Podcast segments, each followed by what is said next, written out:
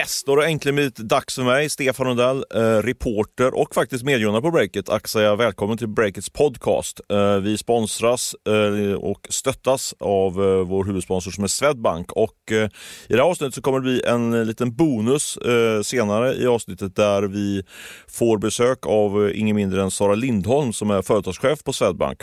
Och hon är lite grann min guide i entreprenörslivet, eller entreprenörsdjungeln kan man säga om man vill vara lite rolig. Och eh, hon, eh, vi går igenom olika ämnen och den här gången ska Sara och jag snacka om hur man kan spara pengar i företaget eller ta ut dem. Det är lite så här val, dela ut eller, eller låta pengarna växa i bolaget om man nu har några sådana pengar. Så det får ni, får ni lyssna in lite senare, men eh, nu har det blivit hög tid måste jag säga för mig att säga välkommen till min poddkompis här, Martin Hävner. Hur är läget Martin? Det är jättebra. Du är ju börsreporter på på Breakit eh, och eh, jag tycker att vi ska snart rulla in och ta lite börssnack. Men eh, först måste jag säga att jag faktiskt var på bio igår första gången på jag vet inte hur många år. Just det, det berättade du med din dotter. Ja, ja men precis. Hur var det? Ja, det var jättebra. Mycket trevligt att gå med sin 13-åriga dotter på bio. Men eh, bortsett från hela den sociala och privata biten så tycker jag ändå att det var det här kan vara den, eh, den mest eh, trötta spaningen och sena spaningen av alla. Men jag vet inte, kanske inte. För jag tittade med på filmen Doctor Strange in the Multiverse of Madness. Det var premiär igår. Känner du till den filmen? Nej, inte ett dugg faktiskt. Ja, men den, bygger mycket, eh, den bygger mycket på att man går in i olika universum. De hoppar runt i olika universum. Det finns en massa och de försöker styra och ställa och, och lägga saker till rätta i, i respektive universum. Och då, där fick jag, då fick jag en eh, konspiratorisk tanke, snedstreck, det här är någon som, eh, något som kanske redan har skrivits, men jag har inte hunnit kolla det. Men, alltså jag tänker hela det här Facebooks eh, namnbyte till Meta, de ju leva i olika Att det är de som ligger bakom filmen Nej, på något sätt? Na, men liksom att ändå, de går i samklang. För liksom den nya unga generationen eh, relaterar ju extremt mycket på det här att man, Mm. eh, att man går in i nya världar. och så. här. Och det, det är egentligen det som är det, idén med, med den här eh, Metaverse. Jag tyckte det var, det var någon, fanns någonting där intressant. Gick du in i någon ny värld, kände du? Nej, nej, men jag fick ju en annan förståelse. För i början blir det helt snurrigt ju, när de hoppar runt i de här världarna. Men sen så man konstaterar, då fattar man liksom. Mm. Och då när man fattar, då blir, öppnas det upp en ny dimension och då tänker jag att det kan vara mer naturligt för mig då och, eh, och köra lite metaverse i, i Facebook-världen kanske. Men alltså det, det hindret, eh, tröskeln minskar Ja, lite. fint. Eh, det var min eh, lilla supersnabba spaning här. Jag tänkte få, få, få dra igång med det här. Men vi ska ju gå in på lite mer hårda grejer, får man säga så, eh, kring börsen och så. Vi, vi har ju det här i det här, den här podden alltid tre segment med veckans möte och veckans snackisar och veckans köp och sälj. Men eh, jag tycker också att vi, eh, innan vi rullar in i de segmenten, måste liksom fånga upp det som hänt här nu på torsdagsmorgonen. Vi spelar in det här 8.56 har, sitter klockan på nu och då har vi haft tre intressanta rapporter utifrån ett break-it-perspektiv. Vi har Zalando, vi har Readly och Storytel. Och jag tänkte vi kunde så här lite kort, kort eh, gå igenom det när vi har en, en sån expert i studion som Martin Häner. Experten har då kollat på de här rapporterna via mobilfönster på vägen hit. Ja. Så det är en liten disclaimer. Eh, Men snabbt då, om vi ska göra ett svep. Ja. Zalando var sämre än väntat. Eh, ungefär samma mönster som vi har sett från de andra e-handelsbolagen. Inflation, sämre konsument, konsumentsentiment och så vidare. Och guidar ner lite, säger att vi kommer inte nå riktigt de prognoserna som vi har sagt, eller vi kommer ligga i de lägre Och sämre konsumentsentiment det betyder på svenska att eh, vi konsumenter shop, shoppar lite mindre. Kan man säga Ja, precis. Ja, precis. Helt rätt.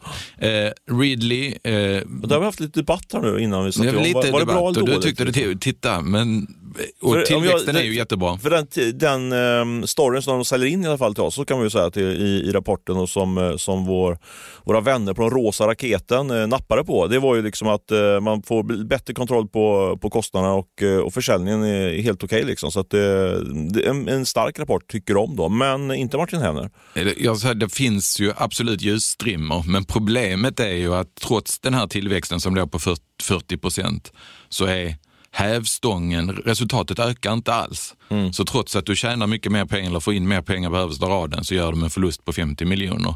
Och det är något innebyggande, inbyggd mekanism, alltså de ger bort för mycket av intäkterna till innehållsägarna, tror jag, och sen att de måste lägga så mycket pengar på marknadsföring så det blir aldrig någonting över. Och den, den mekanismen måste man på något sätt komma till rätta med. Enklaste sätten kanske att höja priset, men det är kanske det man försöker. Men, ja. Precis, men eh, ja, vi får se. Det är Ja. möjligt att du har rätt att detta var början till något bättre. Vi får se. Nej, men jag, jag går på din linje. Jag tycker att du ska skriva någonting om det här Mm. och eh, när vi tittar lite närmare på det. Eh, jag är ju generellt väldigt skeptisk mot Readly för jag tycker det är i grunden en jag känner så få som tycker att det är en bra produkt. Liksom. Och det, där någonstans måste man börja tycker jag, när det är en konsumentprodukt. Men sen har de ändå, vad är det, 500 000 nästan betalande prenumeranter. Det får man ändå ha respekt för. Får man göra. Men jag, men jag kör en sån här, eh, vad, vad, vad, vad, är det här man gör, man bara spanar ut, vad är det som, Börspodden brukar göra sån här, de bara tittar runt på stan och så drar Lynchning. Lyn- Är det lynchning det? Mm. Ja, precis. Min lynchning är ju verkligen det att jag, jag känner ingen som använder tjänsten mer än eh, vår eh, kollega Jon Wahlqvists Svärmor. tror jag. Ja, precis. Så jag, nej, jag vet inte. Jag är, jämför det med Spotify. Vi- liksom. vi går vidare till Ja, vi vidare. Storytel. Ja, Storytel har vi, har vi varit lite, har vi varit rätt eh, edgy på. Vi har varit, avslöjat en hel del om dem den sista månaden och nu kom någon rapport eh, som visar att eh, man tvingas göra, vi, vi avslöjade att de skulle sparka eh, 100 pers och det kostar ju pengar att sparka folk eh, så de tar en del eh, tunga engångskostnader i den här rapporten som vill göra att resultatet blir rätt kass. Men eh, ja, vad är din take på Storytel? Ja, men det är, de rensar bordet nu. Mm. Hans Holger Albrecht, som den nya ordförande heter, före MTG-chefen, kommer in och nu så har de gjort av sig, men jag tror det var säkert 100 personer. 100 pers är det, ja precis. Eh, och tar kostnaden för det, för Ryssland och så vidare. Jonas Selander kostar 8 miljoner så också att han Precis. slutade som Mm. vd. Men då, då lägger man det i en slasktratt och så ut med det och så får man lite renare bord resten av kvartalet. Så jag, jag, man ska nog hålla ögon på den där. Tror du att man har rensat klart då på, med de där? Det tror jag. Ja. Intressant. Ja, men det är en klassiker. Rensa och sen så visa upp något finare eh, i nästa kvartal. Du, eh, ja, men bra genomgång, snabb, snabb genomgång ut detta. Eh, och ska vi säga något sammanfattande om, om vår känsla då på, utifrån läst de här tre rapporterna någorlunda eh, på djupet? Same same sa jag, med lite ljuspunkter på kanske Readly och Storytel. Men hela eh, storyn är ändå fortfarande ganska mörk eller grå kan man säga. Liksom. Ja, grå, bra, bra, bra färg. Ja, Bra, du, då ska vi rulla in på eh, våra möten och jag tänkte att du skulle få börja den här gången. Vad, vad var ditt veckans möte? Eh, Mitt möte var med Tord Wilkne och han är alltså W i eh, det stora IT-koncernen som heter VM-data. Just det. För våra yngre lyssnare så måste vi då säga att det här var ett jättebolag. De hade, jag tror de omsatte över 10 miljarder och var värt, jag vet inte hur många miljarder, men det köptes ut 2006 av en koncern som heter Logica. Och Tord Wilkne var alltså en av grundarna och eh, fick en massa pengar i den affären. Och Som man pumpar in i breaket. som han pumpar in i en rad bolag. Bland annat har han väl eh, en promille av sin portfölj har han lagt i breaket. Ja, han är väl en men- mindre ägare. Men det är ändå ett par procent faktiskt i breaket ska jag säga. Så det är, han, Ja. han är ändå en de Men det gjorde att han var på vår inflyttningsfest i förra, Mm. så det var egentligen förra veckans möte. Eh, och där var han och eh, det var första gången jag träffade honom vad jag vet i alla fall. Eh, och vi hade en trevlig pratstund eh, och det roliga var, det var att han var så genuint nyfiken på breaket och vårt arbete. Hur går nyhetsarbetet till och premium, vad låser ni och sådär. Mm. Men medan jag vill ju höra mer om hans resa med VM-data, vad som hände när han sålde, hur det var och sådär. Ja. Så jag bara, skit i breaket, jag vill veta mer om VM-data. Så jag ställde frågor om VM-data och hans affär.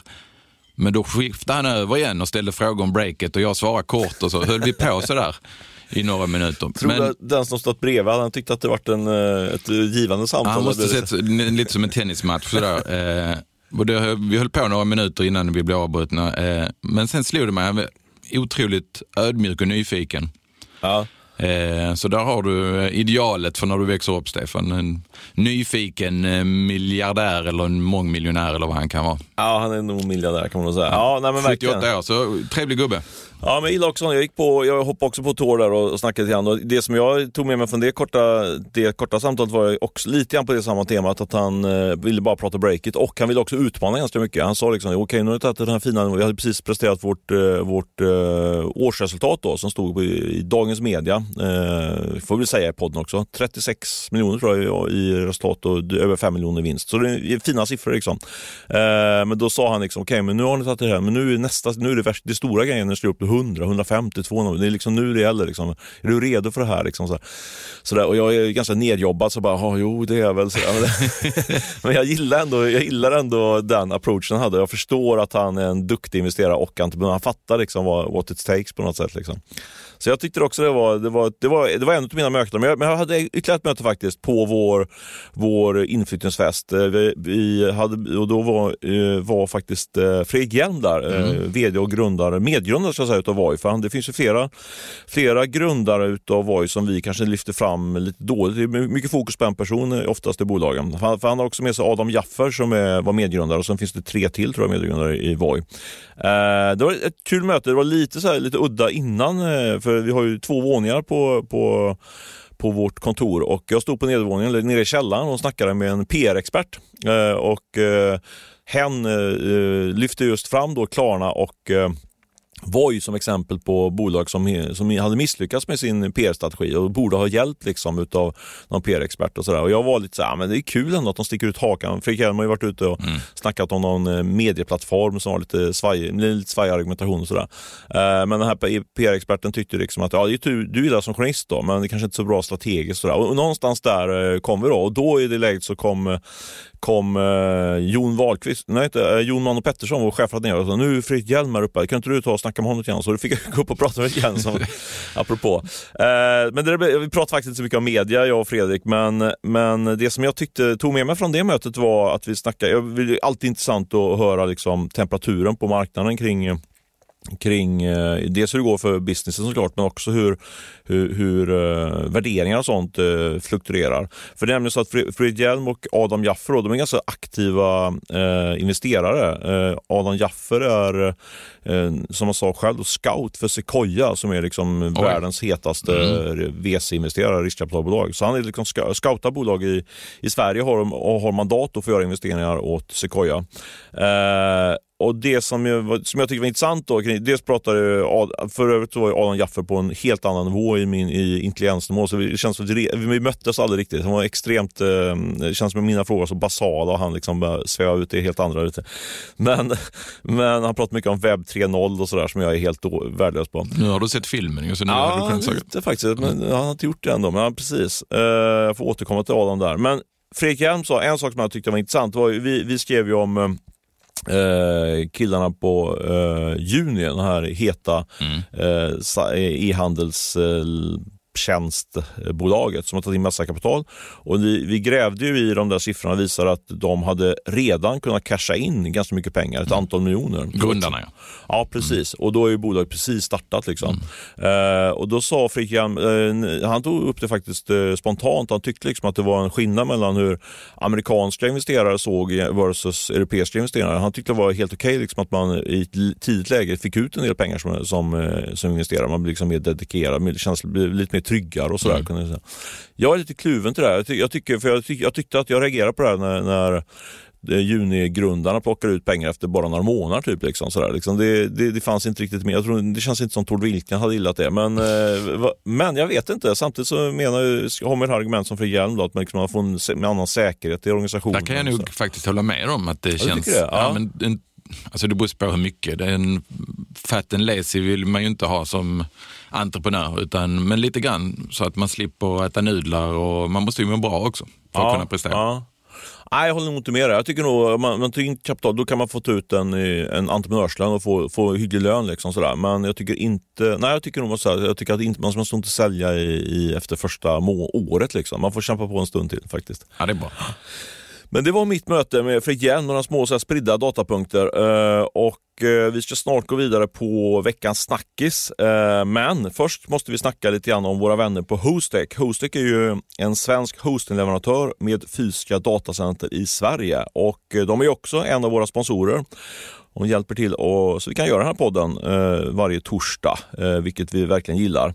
Men eh, de kan också hjälpa dig som lyssnar och driver ditt eget företag. Eh, visst är det så Martin? Det stämmer i allra högsta grad. Hostek kan hjälpa dig som entreprenör med den IT-drift och hosting som du behöver. Och Det gör att du kan fokusera på att eh, växa ditt bolag Ja, precis. Hostec vill verkligen vara en sån här stöttande partner på, på ditt bolags tillväxtresa som jag hoppas att, eh, att ditt bolag befinner dig på.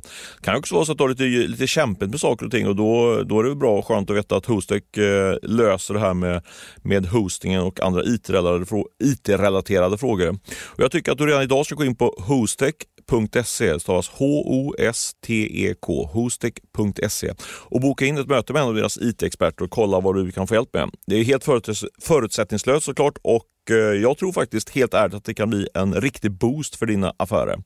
Gör det! Eh, och med det tackar vi eh, Hostek Hostec för att ni är med oss denna vecka som sponsor.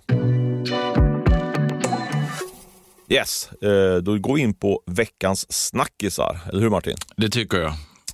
Vi brukar ha, ha två snackisar, men vi, vi snackade ihop oss här innan. Mycket snack. Och snacka ihop oss så det blir ett, ja. ett ämne? Ja, men visst blev det. För vi mm. tyckte att eh, det, var så, det var verkligen någonting som låg oss eh, top of mind, något som vi verkligen snackade om båda två och så vi tycker att det håller på att hända just nu på, på marknaden. Den berömda marknaden. Så vi vill fokusera på ett ämne som vi har satt rubriken eh, Fyndköparna. Eh, är det ett bra rubrikord? Ja, men det tycker jag. Det jag. Eh, för de senaste dagarna har vi sett eh, övervägande del större bolag som köper mindre. Ja, Vad precis. har vi för exempel? Leo Vegas kom ju i måndags morse tror jag det. Uh, eh, blev det bud från uh, det här kasinobolaget MGM och uh, de la en, bu, la en, det var en rejäl premium på det där bolaget. Uh, 40 uh, budpremie. En uh, datapunkt där som jag tyckte var lite intressant som man hör, som snackas ganska mycket nu och det finns ju liksom inga bevis på det men det, kursen har ju rört sig uppåt under en ganska lång tid. man undrar lite grann om det har läckt lite grann i de där processerna. Ja precis och det har varit många inblandade för jag tror Leo Vegas sa att det hade varit de hade blivit uppvaktade av flera okay. aktörer. Ja. Eh, och det sätter ju fart på rykten när det gäller andra spelbolag, eh, Kindred och Kambi ja, exempel. Det är ju utvikningar i detta, men jag tycker ändå det är lite intressant just med så extremt många eh, aktörer involverade i en sån här process. Liksom. Det är ändå så stor affär, så det, det är nästan, man skriver under såna här NDA-avtal mm. och sådär, men jag undrar verkligen om det, inte, om det inte läcker en del. Och i det här fallet kändes det, för vi reagerade, både du och jag, när vi satt morgonen där och såg att man, man tänker ju sen att, ett, att spelsegmentet har ju varit eh, pressat under en lång tid. Liksom. Mm. Så kollar vi, oj, Leo Vegas har ju gått riktigt bra nu. Precis, till skillnad från eh, Kindred och eh, Till exempel. Ja, men precis. Men i alla fall tillbaka till eh, fyndköparsegmentet då. Det, det, tycker, vi, eh, ty, tycker vi är ett tecken på ett bolag som, eh, alltså MGM då, som passar på då med, med spelsektorn som är generellt ganska nedtryckt. Ett annat sånt exempel som vi sett på bland de stora bolagen, det var ju Lars Wingefors. Också faktiskt en liten delägare i Breakit, måste vi lägga till som disclaimer. Ja. Uh, han, han kör ju sitt Embracer och uh, de köpte ju tre spelstudios för tre miljarder. Det var enkelt. Tre, tre, tre, tre miljarder. Det låter ju som mycket pengar, men det där var tydligen ett riktigt fynd. Det så, till och med Lars Wingefors sa att det var ett fynd och eh, analytikerna höll med om det här. Eh, och vad jag förstår så var den här japanska säljaren eh, på något sätt lite finansiellt stressad och eh, fick chippa iväg det här bolaget för bara 3 miljarder. Som, eh, så Lars Wingefors eh, fyndköper för 3 miljarder. Eh, vi ser att MGM, då, eh, det här kasinobolaget, passar på när den, nedtryckt, den nedtryckta spelsektorn. Och sen har vi haft ett pärlband av mindre e-handelsaffärer. Ja. Vi hade ju vuxenproduktsbolaget Pure Fun. Precis, Köpte en annan i samma sektor för 30-40 miljoner någonting. Tror jag. Eh, teknikdelar köpte Batteriexperten och sen kom Royal Design som jag tror ägs av Egmont va? Exakt. Köpte en dansk e-handlare för, eh, vi vet inte mycket, men den, men den omsatte över 100 miljoner i alla fall mm. den där e-handlaren. Så det var, det var ju, alla de här tre affärerna var ju hyggligt stora affärer. Eh, inte, i, inte liksom i eh, börsens eh, eh, finrumssegment, inga stora affärer, men ändå det, det, det puttrar på. Liksom, det är ett mönster. Det är ett mönster. Så där slår vi fast, om vi liksom, för att liksom få en, en lite styrsel här i spaningen då, så kan vi säga att vi har sett ett antal eh, uppköp redan nu, då, utköp, eh, där, där eh, köparna snackar om att det är billigt och lite fyndläge. Och samtidigt då så ser vi parallellt att eh, flera andra eh, fyller kassan då med pengar för att göra, för att göra nya uppköp. Vi har i, bara de senaste dagarna har vi sett Humble som köper in, som, det är ju liksom ett förvärvsbolag som köper bolag inom eh, matkonsumentsektorn mm. kan man säga så. Foodtech. Foodtech, ja precis, det låter coolare.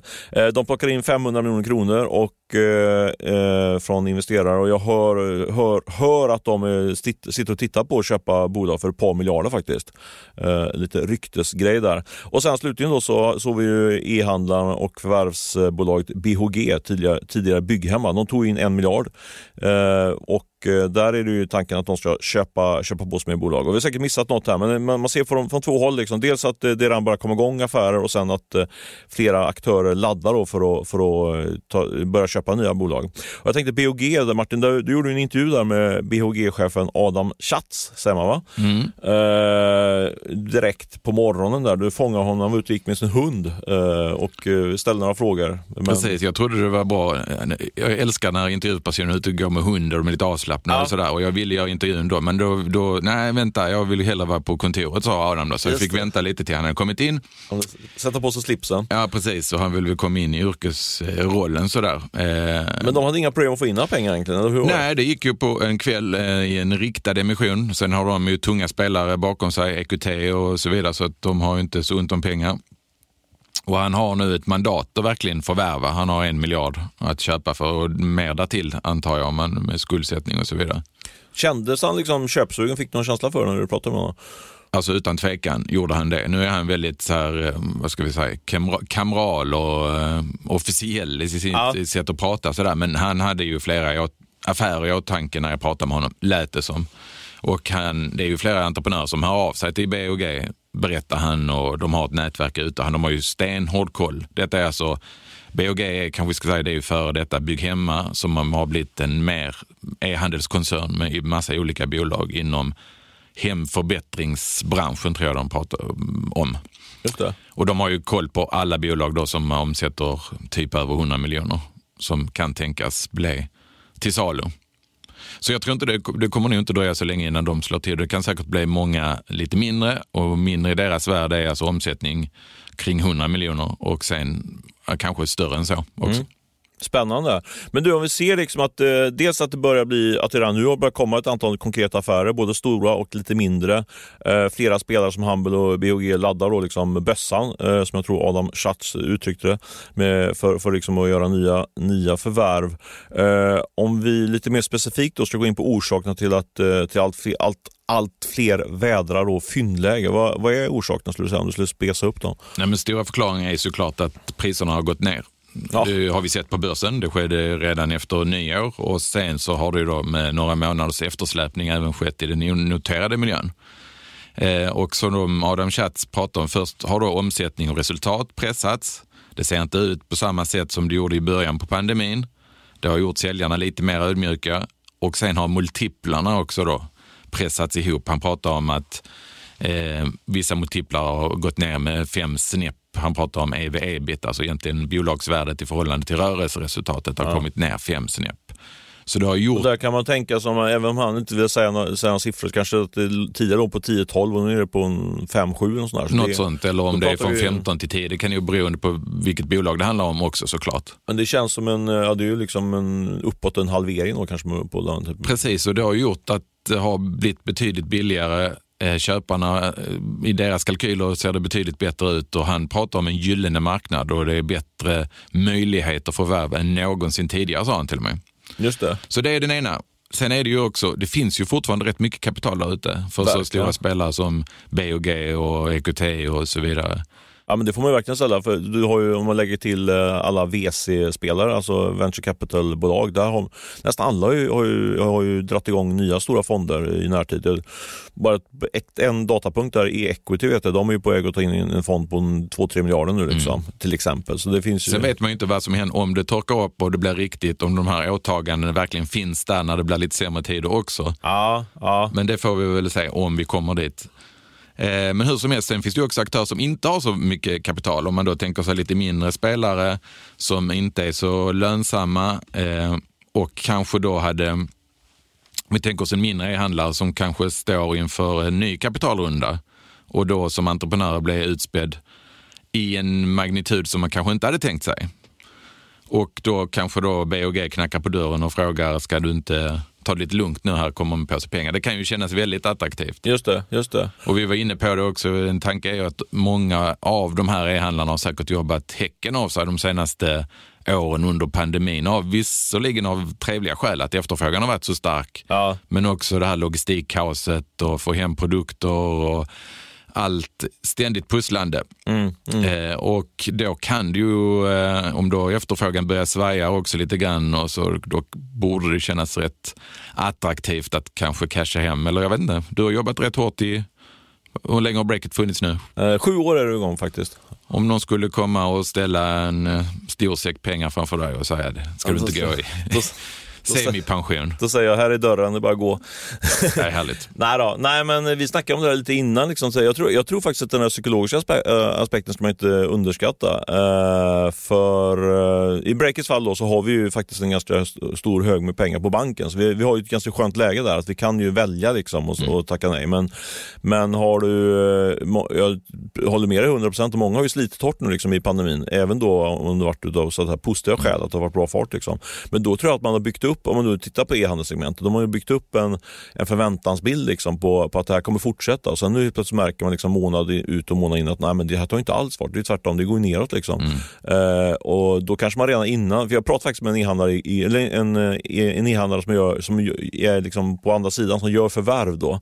Eh, och han beskrev det där med att vi ju, hade ju haft eh, en massa diskussioner här under hösten med andra e-handlare som har haft helt orealistiska förväntningar. De har liksom tagit, ja, det här kommer fortsätta under tio år framåt, liksom, den här tillväxten. Eh, så de har liksom, eh, inte kunnat mötas. Och nu märker han att de här, den typen av e-handlare de kommer tillbaka nu. Liksom, och lite, med, på dörren lite med och... mössan i handen liksom, och säger mm. att ah, men ska vi ta upp diskussionen igen? Liksom, för då, då, då är det ett nytt scenario. Vi sitter här och pratar om eh, till och från att vi, det, vi är inne på vägen av recension, eller stark inflation. Och så här. Då, om man då inte har, precis som säger, så mycket pengar i kassan, ah, men då tror jag absolut att man ligger mycket närmare till hands. Att, ah, kanske ändå skönt att casha in lite grann. Mm, trots att det inte är optimalt. Alltså Nej. säljarna vet ju det också. Ja, men precis. Men det blir ändå, jag tycker det, den, det är ändå en eh, det är alltid surt att tänka att ah, tänk jag hade så här mycket pengar och jag skulle kunna sålt det till den här nivån. Varför gjorde jag inte det? Liksom, sådär. Men mm. samtidigt, man, ja, här har du ändå pengarna och du safear hem. Så har du en lite mer dyster syn på, på tillvaron så, så tror jag faktiskt att, eh, att det där kan spela köparna i händerna. Faktiskt. Men du, då är 10 000 kronors frågan. Vilka, vilka kommer vi få se fler affärer tror du? Och vilka i så fall? Absolut kommer det bli fler affärer. Det, det är väl verkligen peggat för det. Uh, och uh, ja, Men jag tänker alltså, bolag som har tillgångar, alltså om det är kundbas eller teknik och sådär som skulle kunna vara intresse för större aktörer. Mm. Och som har haft en aktie då som har fallit ganska handlöst i den här tech-utförsäljningen under, som vi har haft under 2022. Ja, det är ett typexempel på ett bolag som skulle kunna... Jag vet inte, Ben Buser typ, nu, vet, alltså nu är detta vild spekulation, jag har ingen aning eller någon, överhuvudtaget någon indikation på att det skulle ske, men jag Nej. bara som ett exempel på att de har en teknik, de har ett kunnande inom en bransch och så vidare som någon annan skulle kunna kanske då få till ett mindre penning. Men Bambuser är ett case. För om vi skulle liksom göra, göra, strukturera upp en, det är alltid kul att spekulera. Det är ju, vi har ju, som sagt, det är spekulationer. Men vilka bolag skulle kunna vara at risk, eller vad man ska kalla det, eller på, på, på en potentiell eh, lista på bolag som, som kan bli, bli uppköpta då, i det här läget. Då. Folk som vill lite grann fyndköpa. Då säger du Bambuser. Har du något mer på, på din lista? Ja, alltså möjligtvis, jag vet inte. Nu är detta en, fall, en fallande kniv. Eh, Linas matkasse eller LMK Group kom en jättedålig rapport igår. Mm. Men det finns ju ett varumärke där, det finns starka, ganska starkt varumärke i alla fall i Sverige och de har några i, i Norge också. Om man tänker sig en större eh, livsmedel dagligvarukoncern som mm. vill in i det där segmentet jag vet inte. Nej. Kanske. Det, det, tror men jag tror, är på 200 drygt miljoner. Men jag tror mer på Hello Fresh, att de köper dem. Liksom, de mm. växer ju starkt i Sverige och, och övriga Norden och eh, enkelt sätt för dem att köpa lite. För att bli av, med, alltså, bli av med en konkurrent och få lite, ännu mer marknadsandel? Ja, precis. Och jag, tror att de, eller jag vet ju att de har en väldigt en, eh, bra infrastruktur liksom, som, som, som de skulle kunna få ut uh, synergier på. Liksom, mm.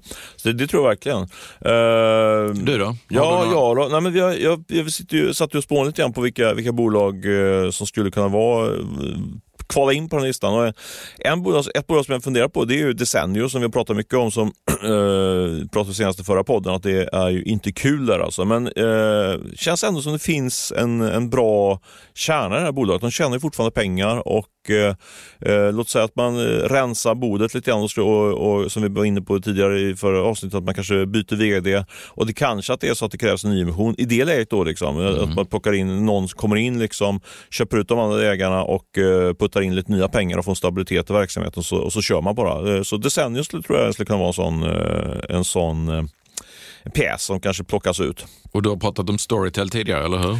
Ja, men absolut. Eh, de kom med sin rapport där och vi, som, var, som vi tyckte väl var sisådär. Och kan man säga. De, även där rensas det lite bord. Och, så att säga. och där tror jag det ligger ändå i farans riktning att, eh, att EQT eh, e skulle kunna vara en sån spelare som plockar ut det helt enkelt. De, och, och styr upp bolaget och sen så skickar man tillbaka till börsen om några år. Det är min, min take på det. Mm.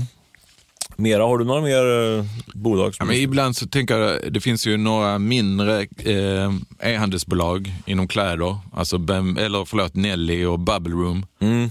Sorgebarn Nelly. Men... men de får ju aldrig riktigt den skala, eller ja. hittills har de inte fått det som verkar krävas. Och då, jag vet inte. Sen samtidigt så kan man undra vem, vem skulle vilja köpa dem är det varumärket då man köper eller kundbasen eller vad det nu kan vara? Jarno och Vanna hattar på höjt och kommer tillbaks och tar och gör ett stort Boråsföretag av allting. ja, man vet aldrig.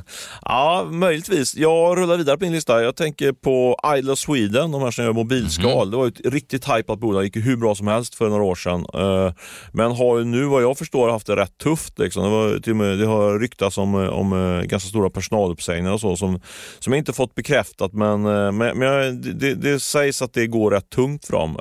Och det är väl ett läge då kanske att man, man tröttnar som ägare och då kommer in någon ny med nya friska krafter och eh, paketera upp bolaget och sen kanske kan skicka iväg till börsen om tre, fyra år när börsklimatet är bättre. Spännande. Ja. Vad har du mer? Vad har jag med på listan? Jag har två bolag till på min lista. Dels har vi Donny Wellington som vi vet eh, att Carnegie är ute och försöker sälja minoritetspost i. Eh, men tänk om eh, Filip Tysander, då, grundare i, i bolaget, apropå det här med att man har kört bolag många år. Han har ju fått ut miljarder från det här bolaget. Han kanske tröttnar eh, och skickar iväg hela bolaget till eh, någon stor riskkapitalspelare. man eh, ser inte de där klockorna så mycket längre alls. Nej, nej. de har haft en jätte, uh, jättefiasko, eller tufft i alla fall får man säga, med de här butikerna som de sätter upp runt om i världen. Så mm. det, varit, nej, det känns, känns uh, svettigt.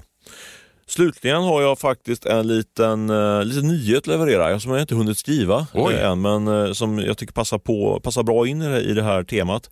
Det är nämligen uh, SAS-bolaget Netigate uh, som det är inget så stort bolag. Uh, taktar på bra med en, en hög eh, årlig återkommande intäkt på 100-200 miljoner någonstans. Jag vet inte, jag har inte exakta siffran i huvudet nu. Men där vet jag att de är ute och söker en eh, ny majoritetsägare. Eh, kan bli en affär på, på någon miljard eller kanske till och med lite mer. Eh, så det är ett, ett, ett, ett exempel på ett bolag som eh, som har faktiskt haft det lite tuffare de senaste åren och eh, nu behöver lite kapital och då, ja, då kanske de passar på då och eh, slukar hela bolaget. Vi får läsa lite mer detaljer på breaket. Kommer du skriva den idag kanske? Kanske idag eller imorgon, mm. vi får mm. se. Eh, mycket att göra här på redaktionen så vi hoppas att inga konkurrenter rycker, rycker den nyheten från oss men då kommer de credda oss rejält hoppas vi. Eh, hade du ytterligare några bolag? Va? Nej, min lista är slut. Din lista är slut. Ja, men då, då ska vi stänga det här, eh, det här segmentet kring eh, fynd, fyndköpssegmentet. Då. Tycker du att vi har peggat upp och argumenterat tillräckligt hårt för ja, det? Men det ska bli intressant att se. Jag tror att vi får se fler affärer nu de kommande veckorna. Mm. Spännande. Eh, och då kommer vi rapportera om det både på breaket och i podden tror jag. Eh, vi går vidare till nästa segment som är veckans köp och sälj. Vill du börja? Jag kan börja. Ja.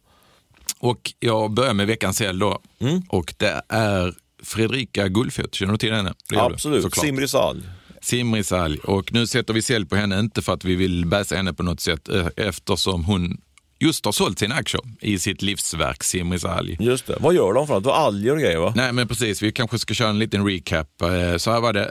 Eh, för drygt tio år sedan så forskade Fredrika Gullfot i bioteknik och blev då intresserad av mikroalger. Och det ena ledde till det andra och hon satte upp en mikroalgsfabrik i skånska Hammenhög. Eh, Österlen va? Vad sa du? Öst, på Österlen ligger det va? På Österlen ja. ja. Så där, där började de odla egna alger på, mitt på torra land höll jag på att säga. Det är väl vatten i de här rören eller sådär. Men det var liksom inte nära kusten eller sådär. Och tanken var att ta de här algerna och göra omega-3-produkter. Så slipper du ta eh, fiskolja och eh, sådär. Mm. Utfiskning är ju ett stort problem. Stort miljöproblem. Eh, och 2016 tror jag det tog steget in på First North. Och Eh, nej, det kändes väldigt spännande. Jag, jag vurmar lite för det där. Eh. Det var ju, vi skrev skrivit mycket om break. Det, det är ju en härlig story liksom. En, eh, en kvinnlig entreprenör som är ute då, inte i orten men ute på, på landsbygden då, drar igång en algfabrik liksom som ska revolutionera hela den här. Nej, men det är ju sånt som vi gillar. Och med mina rötter så gillar jag det ännu mer. Och, eh, men sen, och då fick, det var jättehypat, fick mycket priser, utmärkelser och hej och hå. Ja. Det var ju bara ett problem, det var ju att intäkterna aldrig riktigt lyfte. Eh, och det, det, känns lite sorgligt på något sätt. Eh, och det hade varit roligt att prata med Fredrika om varför, om hon så här i backspegeln hade kunnat säga att där spände vi bågen för stort. De var över i USA och de skulle ta över hela världen på ett bräde nästan kändes det som. Mm.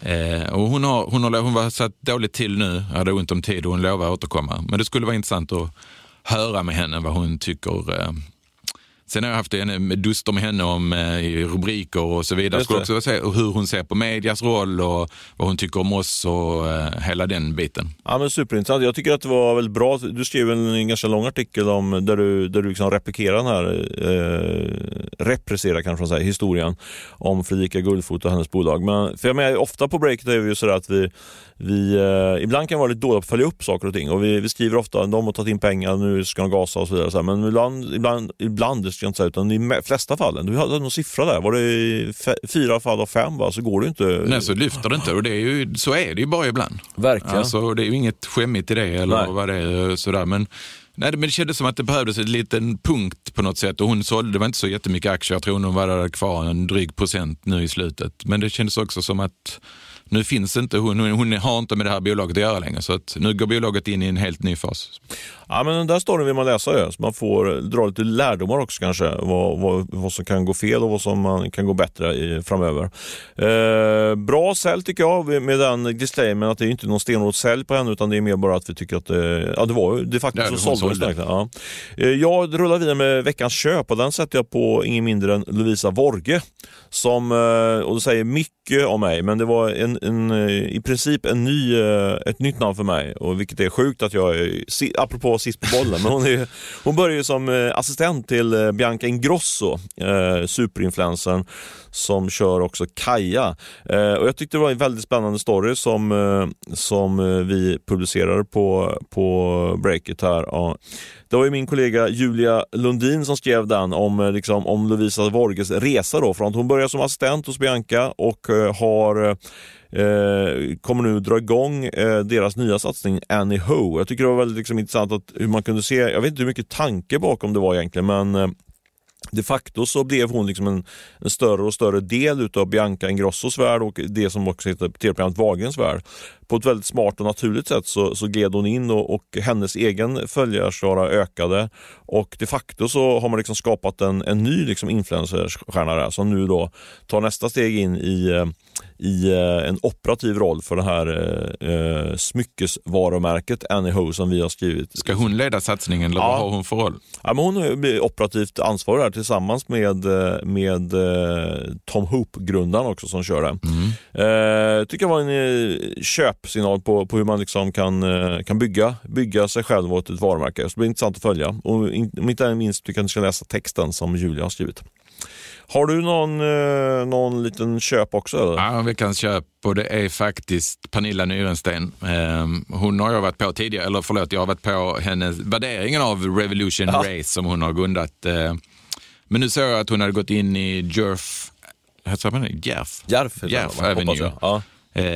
Med fem miljoner kronor. Eh, Nej, men så tyckte jag bara att det var härligt att hon sa att det är viktigt att man delar med sig av sin kompetens, men också av det kapitalet. Eh, Pernilla och hennes make sålde aktier för 600 miljoner någonting med, i samband med eh, börsintroduktionen av Revolution Race för ja, nästan exakt ett år sedan. Just det.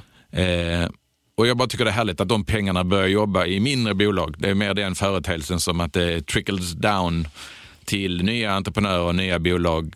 Det är så viktigt ur ett samhällsperspektiv. Instämmer till fullo och eh, jag kan rulla över faktiskt. Det blir en eh, bra radioövergång till min veckans sälj eh, som inte är på Pernilla Nyresten. men det är att jag faktiskt gör en insäljning kan man säga, jag själv. Eh. Pernilla, ja, Nyrensten är ju en av de personerna som sitter i vår eh, investerarpanel i Shift. Eh, och eh, nu är det Shift på väg in i ett eh, spännande skede. Vi ska ha semifinaler eh, i Malmö, Göteborg och Stockholm den kommande veckan. Eh, och det kommer gå till så att man eh, de, vi, de, eh, semifinalisterna kommer och pitcha på dagen och sen så på, på kvällen så har vi ett event eh, på måndag i Malmö mellan 17 och 19 på startup-hubben Level. Eh, och då kan eh, ni som lyssnar på den komma dit och lyssna på dels en eh, debatt och ett samtal kring varför vi tycker det här med shift eh, som handlar om att man ska koppla ihop eh, kapitalet med de entreprenörer som har lite svårare att få kontakt med, med riskkapitalisterna. Eh, vi kommer snacka om det och vi kommer bjuda på pizza och öl och vi kommer eh, presentera då vilka som går vidare till finalen. Så det, är det så att du är i, områ- i Malmöregionen på måndag eh, så, och vill vara med på det här eventet så är det bara att dra ett mail till mig så löser jag det, de praktiska grejerna.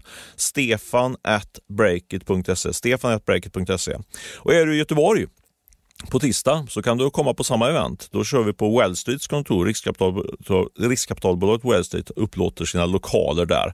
Eh, samma upplägg eh, och det är då ska jag säga först till kvarn. Så det gäller att mejla mig på stefan.breakit.se om ni kommer komma och mingla med riktigt duktiga entreprenörer och investerare. Jag har bjudit in faktiskt en del investerare i mitt nätverk till det här eventet som kommer dyka upp. Eh, Uh, det var min uh, veckans uh, insäljning kan man säga. Men jag Mm. dunkar på också med en veckans sälj. det, mer, mer, det, mer, ur det mer formella slaget, det vi brukar ha i paketet. Och den sätter jag på Noel Abdayem som är grundare utav Humble vi pratade tidigare om. Och vi brukar ju kalla honom för, ja vad brukar vi kalla honom för? Tandborstkungen. Precis, tandborstkungen.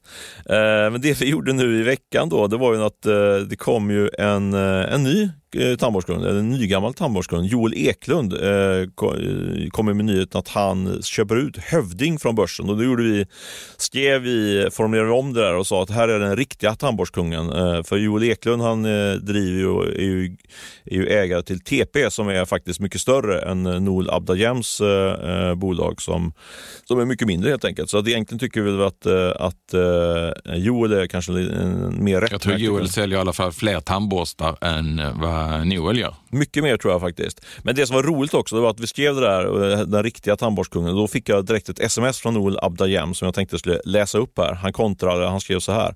Jag ska köpa Colgate så jag återfår min kungliga titel. Tycker jag var lite roligt.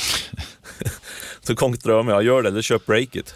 Apropå det du sa. Ja, bra. Han har Nej, inte svarat, han inte svarat än. Ja, Ja. på skoj.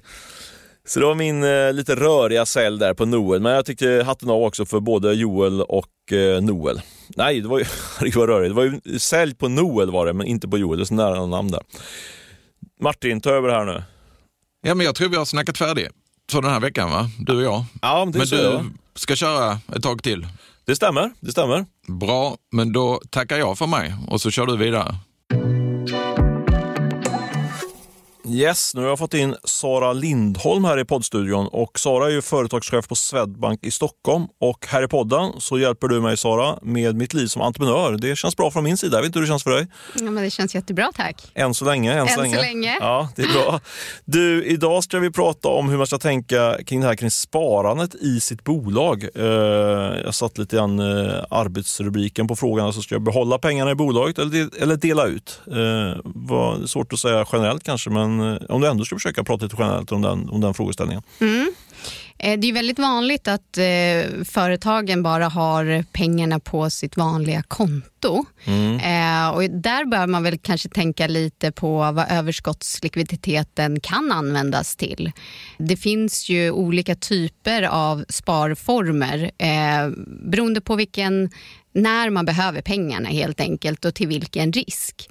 Men det, en... Jag får avbryta, för ja. det tycker jag är intressant utifrån mitt eget perspektiv. För tack och lov så har vi ganska mycket pengar på vårt företagskonto och det står i stort sett bara och tickar så att säga och det är ju ingen hög ränta. Om man kan se framför sig, låt säga att eh, på 12 till 18 månaders sikt att, man kan, att det kommer vara ganska intakt där. Vad, har du något råd där? Vad ska man lägga? Men, men sen vill man kanske ha pengarna. Vad, ja, alltså, generella råd så kan jag väl kanske inte ge för det får man ändå titta mer detaljerat mm. så att det passar eh, jag var så bolaget. nyfiken på egen sak. Ja, men jag förstår det. Eh, du får träffa banken och prata ja, helt enkelt.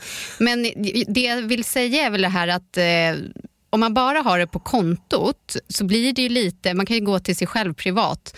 Dagen innan löning, om man har lite pengar kvar, då är det lite mer spendera byxorna på. Mm. Eh, har man istället byggt upp att man avsätter pengar hela tiden månadsvis till ett sparande så blir det ju mer naturligt att man vet vad man har att förhålla sig till. Så det tror jag många eh, kan ta med sig också. Att bara avsätta pengar lite på sidan. Sen vad det där på sidan betyder, det är lite individuellt hur lång tid man kan sätta av dem. Då, då. Mm. Och Sen så är det ju att man måste alltid fundera på att ha en buffert i bolaget. Och man ska klara sig någon månad, gärna flera.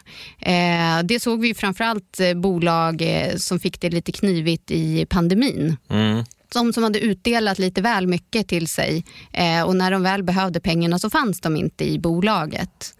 Och då kanske ägaren hade köpt någon fin bil för pengarna istället. Eh, nu raljerar jag lite här. Men, men du, jag, hör, eh, jag förstår att det också var så, men vi har faktiskt i Break har vi funderat på att vi ska, ha, vi ska klara oss typ ett antal månader, kanske jag tror det är sex månader någonting, om det går riktigt, riktigt mm. dåligt. Liksom. Men vad. Är, vad, är det rim, brukar folk ha? Eller vad, vad brukar man ha? Liksom? Jag förstår att det är lite grann hur långt ut snörar, men går det att säga någonting om vad, vad, som, är, vad som borde vara? Hur, hur många månaders buffert bör man ha? Liksom? Det är helt beroende på hur dina fasta kostnader och annat ser ut. Men du behöver ju landa in att ja, men du klarar dig om någonting oförutsett händer. Mm. Eh, och likadant kan det vara så här, tänk om en fantastisk investeringsmöjlighet kommer. Då ska du kanske ha råd med det också utan att behöva sälja av någonting annat som tar tid. Eh, så man måste nog landa in vad är det vår verksamhet eh, står inför. Vad ser vi för kommande investeringsbehov? Lite som vi pratade om i eh, förra podden där vi pratade om om man skulle investera i en fastighet om två år. Det är också det att man behöver fundera på, ja men okej nu behöver vi avsätta pengar för det så vi är redo mm. när man väl får den möjligheten. Men sen det här med utdelningar, det är ju en drivkraft för egenföretagare såklart. Kan jag skriva under på. Ja, men precis. Och det vill jag inte ta ifrån den drivkraften. Nej. Men man behöver ju också fundera på vad behöver man ha i bolaget för att uppvisa en form av styrka. En del håller ju på med upphandlingar. Då är det viktigt att de siffrorna ser bra ut så man inte blir utesluten i någon upphandling. Ska man låna pengar framåt då vill ju banken se också att ja, men ägarna har också riskat någonting. Eller alltså att det finns ändå ett eget kapital i bolaget. För att det kan ju vara så att eh, det blir en dipp och så får man plötsligt ett minusresultat och då vill man ju inte att eh, det egna kapitalet ska bli förbrukat för att man har ett år som det gick dåligt. Mm. Så här måste man hitta en eh, bra balans i vad man ska ha i bolaget och vad man kan dela ut. Just det, just det. Det känns som det kokar ner ganska mycket att man, eh, att man måste ta liksom ett djupt antag, sätta sig ner och fundera. Liksom, vad, vad ligger i framtiden och vad, vilken typ av säkerhet vill man ha i det, i det läget? Och då kan mm. det vara mm. bra såklart att sitta med, med någon som dig, med någon, mm. någon bankperson, liksom, så får, får man den inputen. Mm. Uh, och sen är det ju väl bra om man har tänkt göra utdelningar. Eh, då gör man ju oftast en gång om året. Så ett bra tips är ju att faktiskt månadsspara till sin utdelning så man vet att det finns pengar den dagen man behöver det. Mm-hmm. Det ska jag ta med mig till min vd. Alltså, jag ska av månadsspara till, till min ah. utdelning. Ja. ja, precis. jag äger inte hela breaket, men en liten del får jag ut utdelning. Det ser jag fram emot. Du, eh, bra input här. Eh, och eh, jag har ju faktiskt, som jag nämnde här, då, börjat fundera på det här kring utdelning och argumentera för detta. Vi får se om jag, om jag lyckas få med mig de andra aktieägarna. Men nu kanske jag ska tänka ett varv till också och försöka få, få ihop alla de här delarna så man verkligen har lite grann, känns man var lite hängsla och livrem också. Eller? Ja, eller att i alla fall eh, kunna ha möjligheterna och möjligheterna dyker upp för investeringar eller eh, eh möjligheten, om man, man, kanske ska köpa ett annat bolag ja. eller eh, att det finns i ändå en liten eh, möjlighet att eh, agera snabbt. Ja, men jag var så defensiv. Det är klart, man vill ju se, ha möjligheter också, att kunna agera. Liksom. Det är alltid skönt att ha lite pengar då om man vill shoppa på sig något bolag, eh, om det dyker upp där. Ja, men du Sara, jag tackar för den här gången. Var väldigt Jag satte igång en hel del tankar i mitt huvud här nu faktiskt kring det här med utdelning. Vad man ska göra med kassan egentligen. Känner du dig nöjd eller vill du tillföra någonting? Nej, jag hoppas bara att du får göra en fin utdelning, att du är värd det. Ja, det ja. hoppas jag på faktiskt, måste jag säga. Jag hoppas att ni som lyssnar också tycker att jag ska är värd en liten utdelning. Oavsett så hoppas jag att ni lyssnar nästa vecka på vår podd och eh, tills dess får ni ha det så bra. Tjena, hej hej! hej.